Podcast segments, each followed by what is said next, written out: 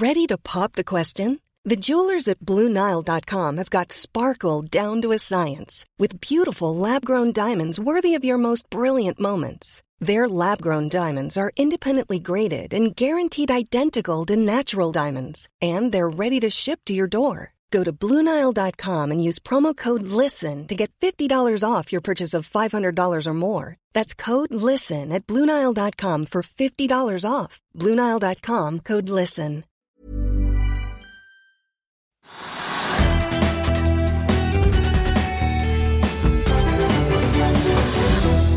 Velkommen til Økonominyhetene. Det er blitt torsdag 9. november. Mitt navn er Stein Ove Haugen. Selvåg Bolig la fram kvartalstall torsdag morgen som ikke uventet viste en markant nedgang over hele linjen. Men aksjen stiger, og vi er straks med oss administrerende direktør Sverre Molvik i selskapet. Men først litt om det som skjer i markedene nå. Hovedindeksen på Oslo Børs er opp 0, ja, nå er den faktisk opp over 1% 1,01% til 1286,58. Og eh, oljeprisen den er også opp en knapp prosent til 80 dollar og 47 cent. Da er det brent spot vi snakker om. Brenten den var jo under, langt ned på 79 dollar fatet i går, og er da opp igjen til 80 dollar og 50 cent nå. VTI-oljen, amerikanske lettoljen, den falt også i går. Den var nede under 75 dollar. I dag er den opp igjen på i overkant, eller rett rundt 76 dollar akkurat nå. Kronen den styrker seg litt, både mot eh, dollar, euro og pund, ser vi her. Eh, en dollar koster nå 11 kroner og 16 øre. Euro koster 11,93, eh, mens pundet koster 13 kroner og 68 øre. Og Oljefondet kan vi ta med, det var i går oppe og snuste på, eller det var faktisk så vidt over 15 780 milliarder kroner. I dag ligger verdien på 15 750, tilsvarer i underkant av 2,9 millioner kroner per innbygger i Norge. Vi kan også ta med hvordan det står til på børsene i Europa, og her er det en god dag her også. Opp en halv prosent i London, tilsvarende også opp i Frankfurt, nesten 0,6% I Paris opp 0,8 i Milano er det opp 0,6% i Madrid opp 0,9 og da er Stox 600 opp 0,7 på børsene i eh, New York der ligger det også an til å åpne svakt opp. Nasdaq ligger nå an til å åpne opp 0,02% altså helt flatt. Eh, SMP 500 ligger an til å åpne opp 0,2% og Slutter den opp i dag også, så vil det være niende dagen på rad at SMP 500 stiger. og Det har ikke skjedd på, i hvert fall på et par år. Dow Jones ligger an til å åpne opp 0,2 vi kan også ta med tiårsrenten, som i går falt under 4,5% Falt til 4,49.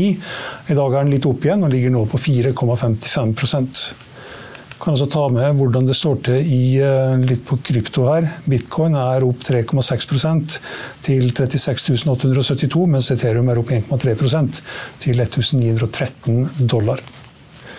Før vi går videre, vil jeg bare minne om at hvis du ikke rekker å se denne sendingen, så kan du også høre den ved å søke opp Økonominyhetene på Spotify, på Apple, på finansavisen.no. Noen nyheter. 28 selskaper har lagt frem kvartalstall eh, torsdag. og Det finner du mer om på finansavisen.no. Men vi må ta med noen her. SalMar gjorde det langt bedre enn analytikeren ventet. Oppdrettsselskapet fikk et operasjonelt driftsresultat på 2,3 milliarder kroner i tredje kvartal. Det var opp en milliard fra samme kvartal i fjor. Og aksjen stiger 6,8% til 574 kroner og 20 øre. 6,7% til 574,20. Det greske tankselskapet Okeanos, eh, Okeanis Ecotankers rapporterte kvartalstall torsdagsmorgen som ikke falt i smak blant eh, investorene. og Aksjen den faller 9,3% til 9,5% nå, til 301 kroner. DNO leverte også svakere tall pga. nedstengningen i Irak. Nå stanser de også eksporten fram til betalingsproblemene er løst. Aksjen den faller over 7 ja, Nå er det 6% til 10 kroner og 39 øre. Euronext Growth-selskapet Hudley har stupt over 80% på børs hittil i 2023. I forbindelse med tredje kvartal melder tech-selskapet at de setter i gang en strategisk gjennomgang etter å ha mottatt interesse fra en global industriell aktør. Aksjen steg først 20% men så har den snudd rett ned igjen og er nå ned eh, litt i overkant av 4 Quiz og e-læringsselskapet Kahoot hadde en omsetning på 42,3 millioner dollar i tredje kvartal. Det var en vekst på 16% år over år. Aksjen den falt likevel 0,1% sist vi så på den. Og den er eh, nå opp 0,4 Hunter Group er dagens vinner. Aksjen er opp 128,3 nå, til 2,10 kroner 10 øre. Selskapet melder at de har fullført den første fasen av utviklingen av en lavtrykksløsning for frakt av CO2 til lagring. Selskapet skriver i meldingen at bruken av lavtrykk bør føre til signifikante kostnadsbesparelser sammenlignet med eksisterende løsninger på frakt av flytende CO2. Og Det kan du lese mer om på finansavisen.no nå. Og Aksjen som sagt, den er da dagens vinner. Men verdien på selskapet den er ikke på mer enn 63 millioner kroner. Crayon er, Crayon er høyt på omsetningstoppen i dag. Onsdag skremte selskapet investorene med å med at finansdirektøren uttatt at arbeidskapitalen tvinger selskapet til å gjøre et dypdykk, et såkalt dypdykk. Aksjen ble da sendt ned hele 8% Torsdag bykser aksjen opp igjen med drøyt 10 eh, er opp 11,3 eh, nå, til 71 kroner 10 øre. SEB og Arctic har begge kuttet i sine kursmål, men gjentatt kjøpsanbefalingene på aksjen. Og Det kan du også lese mer om på finansavisen.no. Selvåg bolig hadde driftsinntekter på 437 millioner kroner i tredje kvartal. Det var ned eh, knappe 52% fra samme kvartal i fjor. Ved utgangen av kvartalet hadde eiendomsselskapet 985 boliger under bygging, med en samlet salgsverdi på 5,3 milliarder kroner. Og aksjen den eh, stiger 6% til 27 kroner og 20 øre. Og etter en kort pause har vi med oss administrerende direktør Sverre Molvik i Selvåg bolig hvordan du tjener penger, det er egentlig mitt hode, er å unngå de dårlige selskapene. Skadefryd er jo den eneste ekte glede, eller hva man sier. Og da må vi mene at den er for høy til å være bærekraftig, og at arbeidstakerne får et lønnsvekst som blir for høy. Og. Det ser vi nå over hele fjøla. Men det er klart det er, eh, det er tøft psykisk, altså. Ja. Du har bare lyst til å bli i senga og vente på neste gang det blir mørkt. At eh, Finansavisen skal ha en finanspod, det var kanskje på tide. Og litt sånn der, hva man sier har du laga bok av Ringenes herre òg, da? Ikke sant? Da har vi med oss administrerende direktør Sverre Molvik i Selvvalgt bolig. Velkommen. Takk for det. Eh, det gikk eh, ikke så kjempebra i eh, tredje kvartal. Inntektene falt med 52% Hva tenker du om kvartalet sånn totalt sett? Nei, Kvartalet er egentlig langt bedre enn det det fremstår. fordi Man kan ikke sammenligne med eh, samme periode i fjor. Eh, fordi man overleverte det, i det kvartalet er halvparten så mange boliger. Så Hvis man hensyntar det, så er det egentlig et veldig bra kvartal. Vi har god inntjening per enhet som er overlevert. Så har vi overlevert langt færre som sagt, enn i fjor. Eh, med faste kostnader i bunn da, så leverer vi fortsatt da, et veldig godt resultat. Som reflekteres i, i kursutviklingen. da. Eh, du hadde bl.a. fokus på byggekostnader i presentasjonen i dag. Mm. Eh, de faller, men hvor høye er de nå i forhold til de prosjektene som dere har ferdigstilt, og som er i ferd med å ferdigstilles? Vi kontraherte veldig mye før eh, krigens start med fast lønns- og prisstigning. Så vi har egentlig ikke kontrahert på så veldig høye nivåer, og så driver vi og kontraherer nå. Og de, er, de nærmer seg samme nivå da, som det det var før krigens start. Eh, og det er vesentlig lavere, dvs. Si kanskje 15-20% lavere enn det de var på topp eh, i fjor sommer. Så vi, har altså, gått, vi unngikk å kontrahere på disse høye nivåene, siden vi var, hadde litt flaks pluss var flinke og kontraherte veldig mye før krigens start. Mm. Så, så, hvis dere nå da starter opp nye prosjekter nå, som dere selvfølgelig vurderer, vil dere da ha byggekostnader som er lik det for tre-fire år siden? De vil være tilnærma det som var rett før krigens start, så for et par år siden. Eh, det er jo fortsatt relativt høyt, men det er ikke på langt nær så høyt som det det var. Så ja, tilnærmet. Mm. Så det vil si at vi kan starte prosjektet med en fornuftig lønnsomhet, og vi klarer å regne prosjektene hjem, er jo egentlig svaret da. For en tilfredsstillende lønnsomhet. Dere skal ferdigstille 744 boliger, eh, hvis, er, eh, hvis jeg husker riktig, mm. innen nyttår. Ja. Hvor mange av de er det som er solgt? Eh, vi hadde vel en salgsgrad på 85% av det som ferdigstilles av de 744 da i utgangen av kvartalet. Og så har vi jo solgt på det nå, så vi har solgt mer. Akkurat PT, hvor mye som er utsolgt, er jeg ikke sikker på. Det, Nei, men Ca. 100 enheter, kanskje? Det kan være noe, noe sånt. Ja. Er, det, er, det, mye, eller er det sånn passe? Eh, Det er jo mer enn det vi vanligvis har, men det, vi har ikke noe panikk rundt det. Vi, har, vi styrer jo hvert prosjekt isolert sett og har en eh, si, kalkulert antall usolgte per byggetrinn da, som er spredt rundt i hele landet. Og Det lever vi godt med, og da selger vi heller istedenfor å panikkselge i et marked som er nå, så selger vi det heller utover vårparten. Så ikke noe dramatikk i det. Nei, ingenting. Eh, Dere, det, det gjorde dere for så vidt i begynnelsen av året, men dere endra litt på forretningsmodellen. Kan du si om hva slags konsekvenser det har hatt? Ja, Det vi gjorde innledningsvis i år, var at vi endret forretningsmodellen til å ta forbehold om at vi overfor kundene våre at vi kunne trekke prosjektet dersom vi ikke fikk en tilfredsstillende entreprisekost. Så det vil si at vi la ut prosjekter i markedet, solgte, og så kontraherer vi det nå. Og hvis vi ikke da oppnår opp, eh, en tilstrekkelig lønnsomhet, så kan vi trekke prosjektet. Eh, Nå viser det seg at vi allerede har startet ett prosjekt som vi har lykkes med det. Og jeg ser jo at vi eh, mest sannsynlig kommer til å få til flere da, som vi kontraherer nå i disse dager. Eh, Så det har vi lykkes godt med. Hvis vi ikke hadde gjort det, så hadde vi ikke kunnet legge ut prosjekter for eh, salg. fordi eh, hvis vi hadde brukt den entreprisekosten som lå til grunn da i januar-februar, så hadde vi ikke klart å regne prosjektene hjem. Så det er altså prisfallet på entreprisen som gjør at man nå oppnår en tilstrekkelig lønnsomhet. Har det hatt noen konsekvenser for noen boligkjøpere? Nei, ikke PT. Det prosjektet de betaler den samme markedspris på boligen er jo lik, og vi har ikke trukket noen av de prosjektene. Og jeg håper ikke at vi kommer til å gjøre det heller. Så konsekvensen er tvert imot at de faktisk får den boligen de ville ha. Eh, Hvis vi hadde lagt ut eh, prosjektene, eller vi hadde jo ikke lagt ut de prosjektene hvis vi hadde gjort det på den gamle måten. For da hadde vi ikke hatt lønnsomhet i oppstartskalkylen vår. Dere hadde oppstart av noen prosjekter, salgsstart på fem prosjekter i eh, tredje kvartal, tror jeg. Kan du si litt om de? Ja, vi gikk litt motstrøm, så vi la ut et prosjekt eh, i Stavanger, to i, i Lørenskog, ett i, i Bærum og ett i Stockholm. Og øh, det gikk jo, eller ikke overraskende bra, vi hadde jo veldig tro på det. I, i Stavanger så har vi jo solgt eh, allerede 40% av det øh, trinnet vi la ut, på rundt 60 enheter totalt. Vi har solgt 24. Eh, Vi solgte 14 og 18 rekkehus på et prosjekt vi la ut i Lørenskog, som er jo veldig bra. Langt mer enn det vi trenger for byggestartet. Og så har vi solgt sånn 20% ish på, på de andre, som er veldig bra på såpass kort tid. Vanligvis regner vi jo seks måneders forhåndssalgsperiode.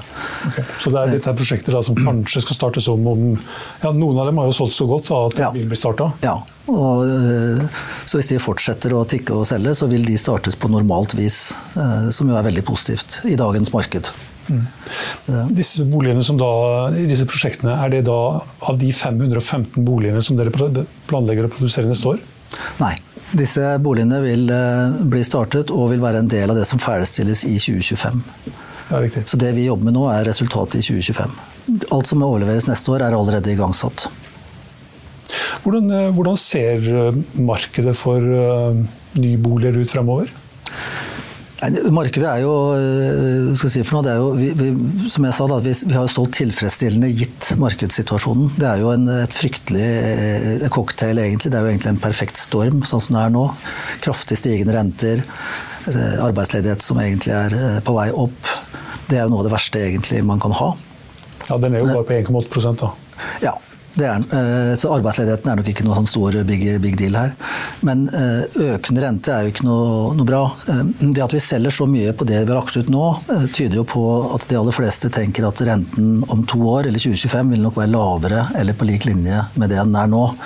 Og Det er det vi nå venter på, er at renten skal toppe ut. Og det er kanskje en del som tror og tenker at det er rett rundt hjørnet. Det tror i hvert fall jeg. Um, Og det er det som skal til for at markedet skal snu og få ordentlig fart igjen. Uh, Inntil det skjer, så vil det nok være eh, Kall det tassent, sånn som det er nå. Vi selger jo ca. en bolig om dagen, som er godt under halvparten av det vi gjør i et normalmarked. Men de 515 boligene som da skal ferdigstilles neste år, eh, det blir ikke noe mer enn 515, eller kan det tenkes at det blir mer? Nei, det, det kan være at det kan tenkes at det er noen få enheter som skyves fra Q1, som, er, som, som er, øh, fremdriften øh, går raskere enn forventet. Og det kommer noen få enheter fra Q1 25 som skyves inn i, i Q4 24, men det er ikke noen store endringer på det. Den guidingen der er ganske, den står seg ganske godt. Eh, Du var inne på at vi har lagt bak oss et eh, greit eh, eller dere har lagt bak dere et greit tredje kvartal. Ja. Hvordan ser neste år ut, tredje kvartal? Da skal det ferdigstilles fem boliger. Ja, og det er grunnen til at det ble, som jeg sa innledningsvis, kan, man kan ikke sammenligne kvartal for kvartal, for det, veldig, det fluktuerer veldig hvor mange boliger man overleverer. Og I og med at man rapporterer etter IFRS, så får man inntektsføring og resultatføring per overleverte enhet. Derfor så må man egentlig se bort fra det, eller se på året som totalt. Mye enklere, ellers så får man kjempestore variasjoner.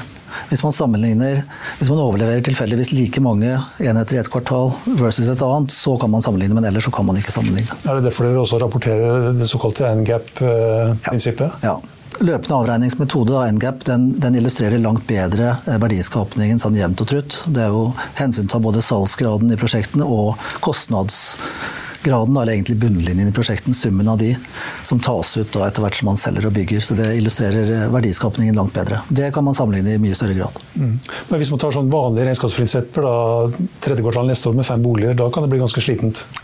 Ja, Det kan man jo si direkte at det blir jo et tapskvartal. Det dekker ikke opp de faste kostnadene. Mm. Ja. I'll see you in court.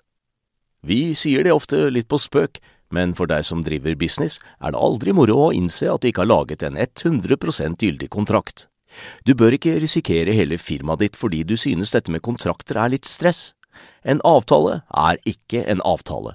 Du kan miste kunder, miste venner, ja, til og med miste inntekter om du ikke lager en skikkelig kontrakt, på alt mulig, egentlig. Men vi vet det er et styr, kopimaskiner, tregprinter og haugevis av papir. Dessuten stoler vi jo på folk her i landet. Det er ofte litt kleint å skulle be om en signatur for alt mulig, ja, for mye av styret handler også om jakten på underskriften. Det finnes en enkel måte å løse dette på, Dukkobit, en trygg, effektiv og get this, gratis måte å sikre seg en god natts søvn pluss en juridisk bindende avtale. Dukkobit-appen har de strengeste sikkerhetskrav i bunn, samt en EU-godkjent og sertifisert teknologi. Framover vil det bli behagelig å spørre du, skal vi skrive under på det, eller? Kom i gang på dokobit.no. Um, I Oslo uh dere, dere har jo en, en, en, en, del prosjekter liggende i, i skuffen. Kanskje sånn 600-700 boliger som dere kan starte å bygge eller mm. starte å selge når vi kommer over i 2024. Mm. Hva skal til for at dere skal trekke ut i?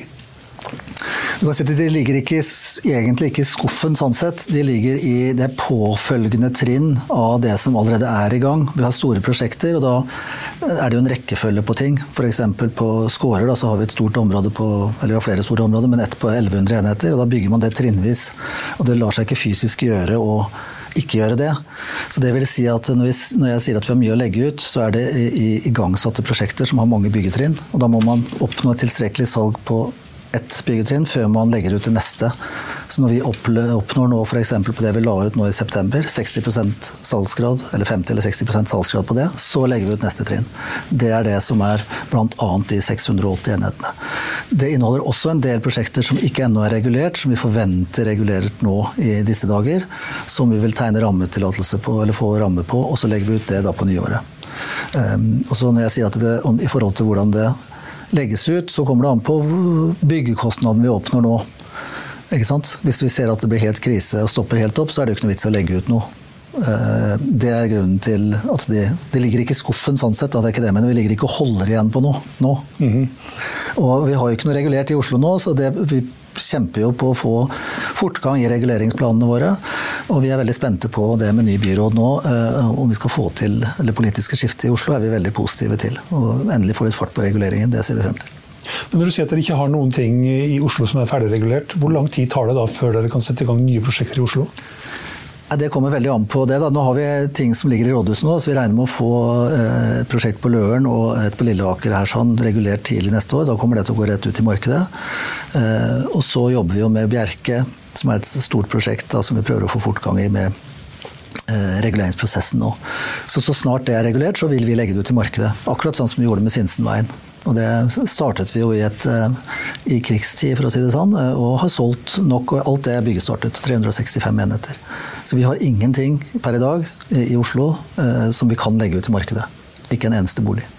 Så hvis dere da får disse her eh, gjennom, så er det da 26-27 du snakker om? Ja, på ferdigstillelse. 26, ja, ferdigstilles da i 26-27. Ja, 26. Eh, får ikke det inn i 25. Det gjør vi ikke. Nei. Nei. Det er to års byggetid ca., og så må man forhåndsselge, og så må entreprenøren få tid til å etablere seg på byggeplassen før de begynner å fysisk å bygge. Så det tar Av de boligene som nå ferdigstilles nå frem mot jul, og de som er blitt ferdigstilt nå i tredje kvartal, er det noen som har problemer med å overta boligene sine? Eh, PT så er det ingen som jeg kjenner, men det slumper jo at det blir et dekningssalg her og der. Eh, det er veldig, veldig lite, veldig sjelden. Veldig få. For noen år siden, hvis vi ser litt lenger tilbake, så var det slik at da kunne man få både det ene og det andre på kjøpet hvis man kjøpte en bolig. Mm. Og noen, noen, i noen tilfeller så ble det også slik at eh, utbygger overtok den brukte boligen. Ja. Er, er vi der, tror du?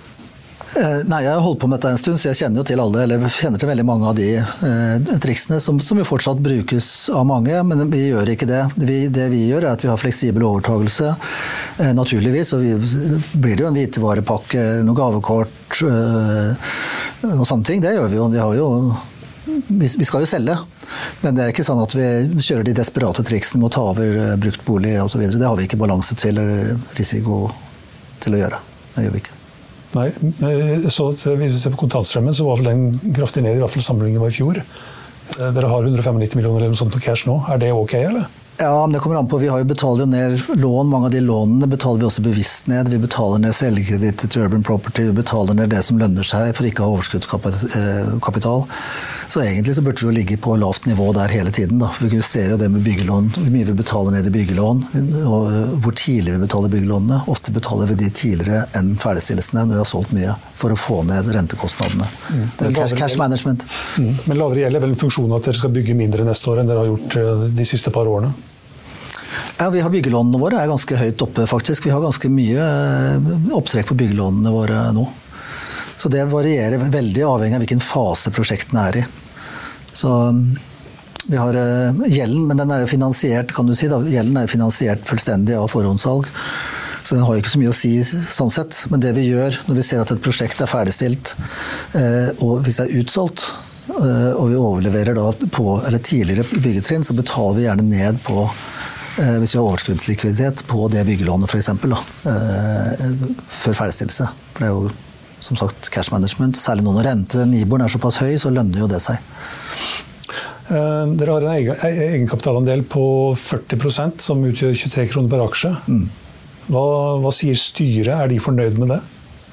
Det er jo en veldig høy egenkapitalandel, og langt høyere enn det vi egentlig trenger i forhold til eh, forpliktelser overfor Urban Property og, og banker. Men vi liker å være på den sikre siden, og så er det jo veldig behagelig situasjon å være i i dag, hvor det kan dukke opp en del eh, kjøpsmuligheter på tomtesiden som gjør at vi kan eh, handle litt fritt, og ikke minst utvikle prosjekter og ha magamål til å sitte igjennom eh, en litt tøff periode. Får dere mange henvendelser fra tomteeiere som har lyst til å selge nå? Det er langt flere henvendelser nå naturligvis, ja, enn det det har vært de siste årene. Fra å være nesten umulig å få tak i noe, så er jo det nå mye mer eh, valg ja, på alternativer. Er det noen områder som peker seg ut, eller er det også i Oslo? Sentralt i Oslo, innenfor ringen i Oslo, er det ingenting fortsatt. eh, kan du si. Det er veldig lite, men det er også veldig lite regulert eiendom til bolig. Så, um, ellers så det er randsonen det dukker opp mer. så det er eh, og i byene eh, rundt så er det jevnt over større eh, tilgang på tomtekjøp. Og også i Stockholm. Aksjen den, eh, som var inne på den steg 6% i dag. Var du overraska over det, eller? Eh, Nei, jeg var ikke så fryktelig overraska over det. Den falt jo eh, en del i går på, på tampen av dagen. Så jeg er kanskje overraska over nivået den ligger på totalt sett. Men det skyldes at vi, vi er den eneste boligaktøren på Oslo Børs. Eh, Blir nok revet en del med av næringseiendomsselskapene, vil jeg tro. Man tenker Det er ikke alle som setter seg så mye inn i hvordan dette boligmarkedet virker, som jo også er litt særegent i forhold til næringseiendom. da som har, en større beating, eh, har fått en større biting, naturligvis pga. Gilde og um, ja, store selskaper som sliter, bl.a. i Sverige. Men eh, nei, det er ikke noe spesielt overraskende. Du nevnte Stockholm. Der var ikke salget sånn all verdens kanskje i første runde, men er. Sverige er kanskje litt annerledes enn Norge? Nei, I det området vi har eh, lagt ut dette prosjektet, eh, som heter Barkaby, der har vi solgt, vi har solgt syv kontrakter nå, og det er flere på vei inn. Eh, I Sverige så selges det på en litt annen måte. Det tar seg lengre tid, man har angrefrist. Det er en lengre prosess for hver kunde som lander. Det er veldig mange interessenter, og mange som er i tenkeboksen. Det er et såkalt plussprosjekt. Og så er det et område som er et enormt stort konverteringsområde med et stort tilbudsside, og vi er de eneste som har dette konseptet. Eh, og der har det nok Det har vel nesten ikke blitt solgt noe der nå i det siste, så vi, sånn sett så har vi solgt veldig bra. Vi har solgt syv av 44 som er lagt ut, og det kommer flere. Det er flere som ligger i Kjømda. Så det er det er ikke et sunt, vanlig marked, men det er ikke slett ikke dårlig. Det man kommer til å, bare det fortsetter å tikke, så kommer vi til å oppnå byggestart der også. Hvor, hvor, mange må du selge da for at du skal starte i Stockholm? Hvis det hadde vært ett byggetrinn, så må du selge 50 da. Så, sånn sett vil det gå fort. Ja, men bygge, dette, er et, dette, er bare et salgstrinn, så vi kommer til å legge ut flere leilighetstyper etter hvert. Mm. Og vi skal selge en 50-60 der før vi byggestarter der, for det er et ganske stort prosjekt. Okay, vi, har god, vi, har god, tid på oss, vi har regnet, regnet, lang salgstid på det, så vi la det ut nå for å, for å få eh, Det er veldig mange interessenter eh, i det konseptet, så vi la det ut nå for å få med seg de som har vært med um, lenge, og som har vært ivrige på å få det, få det få kjøpt. Så kommer det til å ta noen måneder til før vi er i gang. Og så snur det fryktelig fort, og når noen hopper ned fra gjerdet, så kommer det gjerne flere. Så vi får se på nyåret. så blir det spennende å se. Så du, du, du har troa i Stockholm òg? Ja, ja. I Stockholm også så er det samme effekt. Med en gang rentetoppen nå, så hopper folk ned fra gjerdet. Og det er veldig mange interessenter. Mange som sier jeg skal tenke meg om, jeg må se, jeg må høre med banken. Og så, når de ser at naboen og bekjente også kjøper, så kommer, kommer saueflokken der, akkurat som man gjør her. Det bygges for lite i Oslo, sies det. Mm. Og dere har ikke noen ting på et par år, kanskje. Mm. Hvordan, hva tenker du om det? Jeg tenker det er veldig bra at vi har såpass med eiendom som vi har, og jeg tror det blir en fantastisk timing. Eh, og det kommer til å bli, til å bli gøy å komme ut i markedet med det. Det er Med den lave tilbudssiden så kommer det til å bli høye priser. Og entreprisekosten som balanseres ut så kommer det til å bli et hyggelig regnestykke, tenker jeg. Hvilke av de andre byene som dere er i, som, eh, som er liksom bra? Du nevnte Stavanger og ganske ok. Stavanger er veldig bra salgsstart. Nå har solgt 24 av de Vi har ikke lagt ut 60 engang, vi tror vi har lagt ut eh, ca. 50. Så vi har solgt halvparten av det som er lagt ut på en drøy måned. Det er jo veldig bra. Vanligvis bruker vi seks måneder for å komme til salgsstart. Og det er jo gode priser. Det er et par og 80 000 for meteren, inklusiv parkering. Det er veldig, veldig, bra priser, og høyere enn det vi har sett i Stavanger. På, på, eller det er veldig høyt. Har dere noe i Trondheim nå? Ja, i Trondheim har vi et pluss konsept på, på, Lade som vi selger på. Der har vi solgt en par-tre boliger de siste par ukene. Også greit. Men det er et prosjekt som er under produksjon. Tikker og går. Mm. Hvor, hvor, mye er det som er solgt her? I sånn prosent? Ja, I prosent så er det vel en ja, 70-ish prosent, okay, tenker jeg. Det, ja. Men der har vi jo mange påfølgende trinn, så vi kan bare legge ut mer etter hvert. Da, som vi kommer til å gjøre når vi går tom for de leilighetstypene vi har. Mm. Tusen takk for at du kunne være med oss igjen, eh, Sverre. Bare hyggelig. Skal vi rulle videre. I Finansavisen i morgen kan du lese Trygve Egnars leder om Israels plan, og i Kapitallederen kan du lese at de rike fortsetter å flykte til Sveits. Du kan også lese om flygiganter i krise som kan reddes av SAS og Norwegian, om et storsalg av tankskip, og om et tekstselskap som inngår en omstridt lånefinansiering.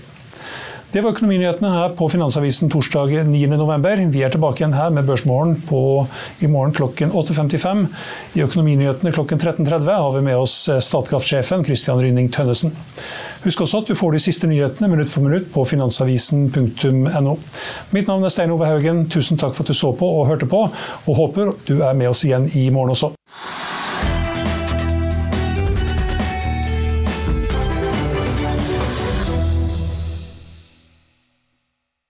Økonominyhetene er en podkast fra Finansavisen. Programledere er Marius Lorentzen, Stein Ove Haugen og Benedikte Storm Bamvik. Produsenter er Lars Brenden Skram og Bashar Johar. Og ansvarlig redaktør er Trygve Hegnar.